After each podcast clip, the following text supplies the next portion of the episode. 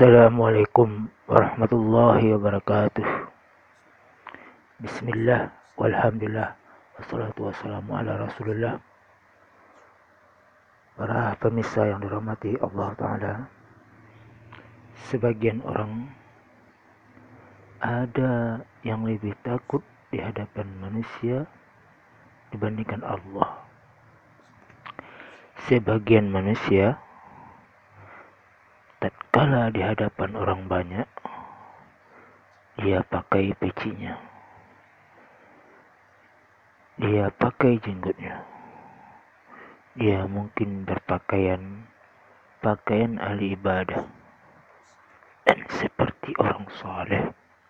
Tapi tatkala sendirian dia bagaikan melepas peci bagaikan melepas jenggot semua atribut-atribut ibadah dan kesolehan dia lepaskan. Dia lebih takut di hadapan Allah, di hadapan manusia dibanding di hadapan Allah.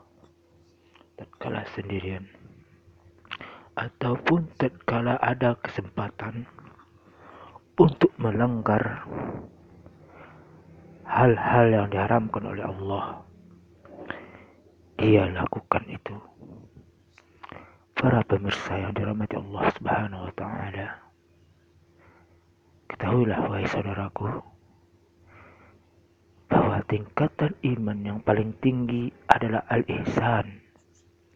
Rasul sallallahu alaihi wasallam mengenalkan kepada kita al-ihsan adalah anta'budallah ka'annaka tarahu beribadahlah kepada Allah seakan-akan kamu melihatnya.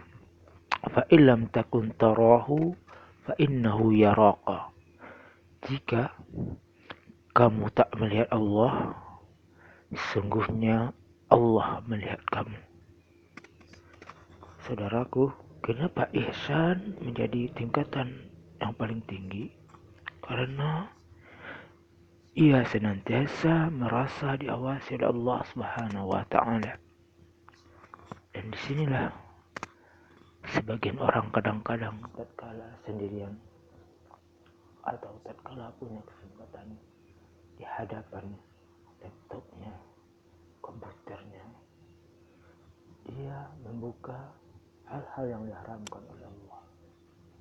Baik mendengar hal-hal yang diharamkan seperti musik, dan yang lainnya ataupun melihat hal-hal yang diharamkan seperti perempuan-perempuan yang membuka auratnya ataupun acara-acara yang lebih condong kepada maksiat dan dosa.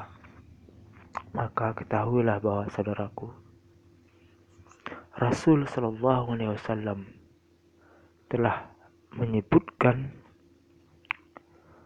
dalam maksiat terkalah sendirian itu adalah menghapus pahala.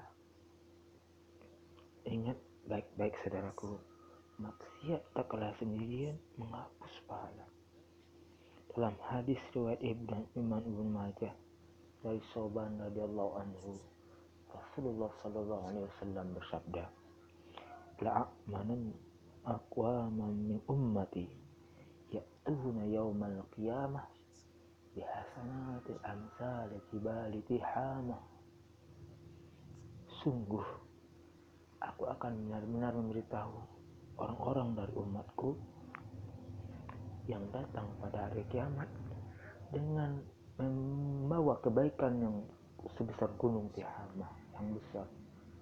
Gunung Tihamah terkenal besarnya fayaj'alu azamahu aba'an mansura lalu Allah menjadikan pahala yang bergunung-gunung itu sebagai habaan mansura sebagai debu yang bertebangan tahukah engkau saudaraku hati habaan mansura seperti tatkala ada sinar matahari pada saat itu ada benda-benda kecil yang bertebangan itulah habaan mansura tidak ada nilainya sekali di sisi Allah. Para pemirsa yang dirahmati Allah, kiranya. Kenapa? Seorang yang bermaksiat tatkala sendirian dihapuskan pahalanya dan bagaikan debu yang bertebangan yang tak berarti maka salah satu jawabannya dia telah begitu lancang untuk bermaksiat di hadapan Allah tatkala di hadapan manusia dia memakai jenggotnya dia memakai pecinya. Dia memakai atribut-atribut kesolehannya. Tapi tatkala sendirian, tak ada yang melihat kecuali Allah. Padahal Allah berfirman di dalam surah Al-Baqarah ayat 77. Awala ya'lam anna Allahu ya'lam ma yusirruna wa ma yu'lidun. Apakah mereka tidak mengetahui bahasanya Allah mengetahui apa yang mereka sembunyikan dan apa yang mereka nampakkan. Dalam surah Al-A'lam ayat 14 Allah Subhanahu wa taala berfirman, "Alam ya'lam bi anna Allah yara." Apakah dia tidak mengetahui bahwasanya Allah Maha melihat? Maha melihat dia, sedang melihat dia dan selalu mengawasi dia. Dalam surah Al-Azab ayat 52 Allah Subhanahu wa taala berfirman, "Wa kana Allahu ala kulli syai'in raqiba." dan Allah mengintai segala sesuatu.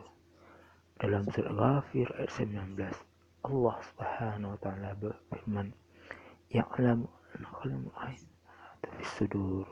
Artinya, Allah mengetahui mata-mata yang berkhianat. Mata yang apabila dilihat oleh manusia, dia seakan menundukkan pandangan. Dia seakan benar-benar soleh takut kepada Allah.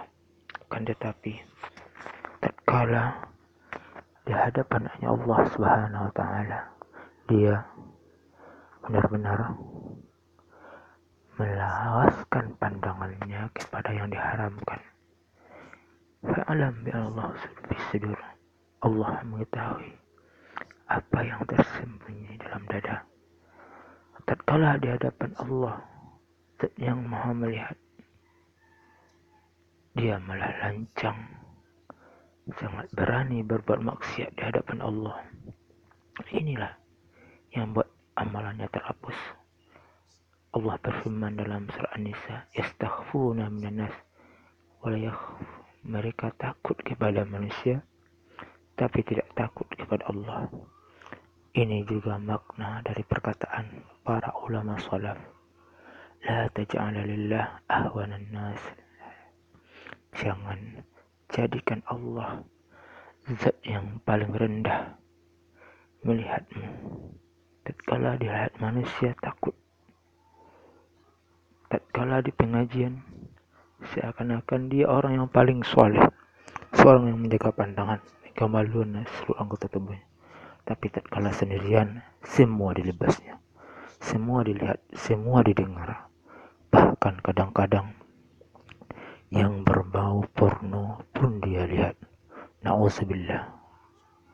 Semoga kita lebih takut kepada zat As-Sami' Al-Basir al dibandingkan kita takut kepada manusia yang pandangannya terbatas, pengetahuannya terbatas, pendengarannya terbatas, dan tidak pantas kita takut kecuali hanya kepada Allah Subhanahu wa taala.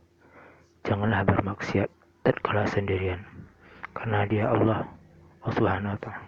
Wassalamualaikum warahmatullahi wabarakatuh.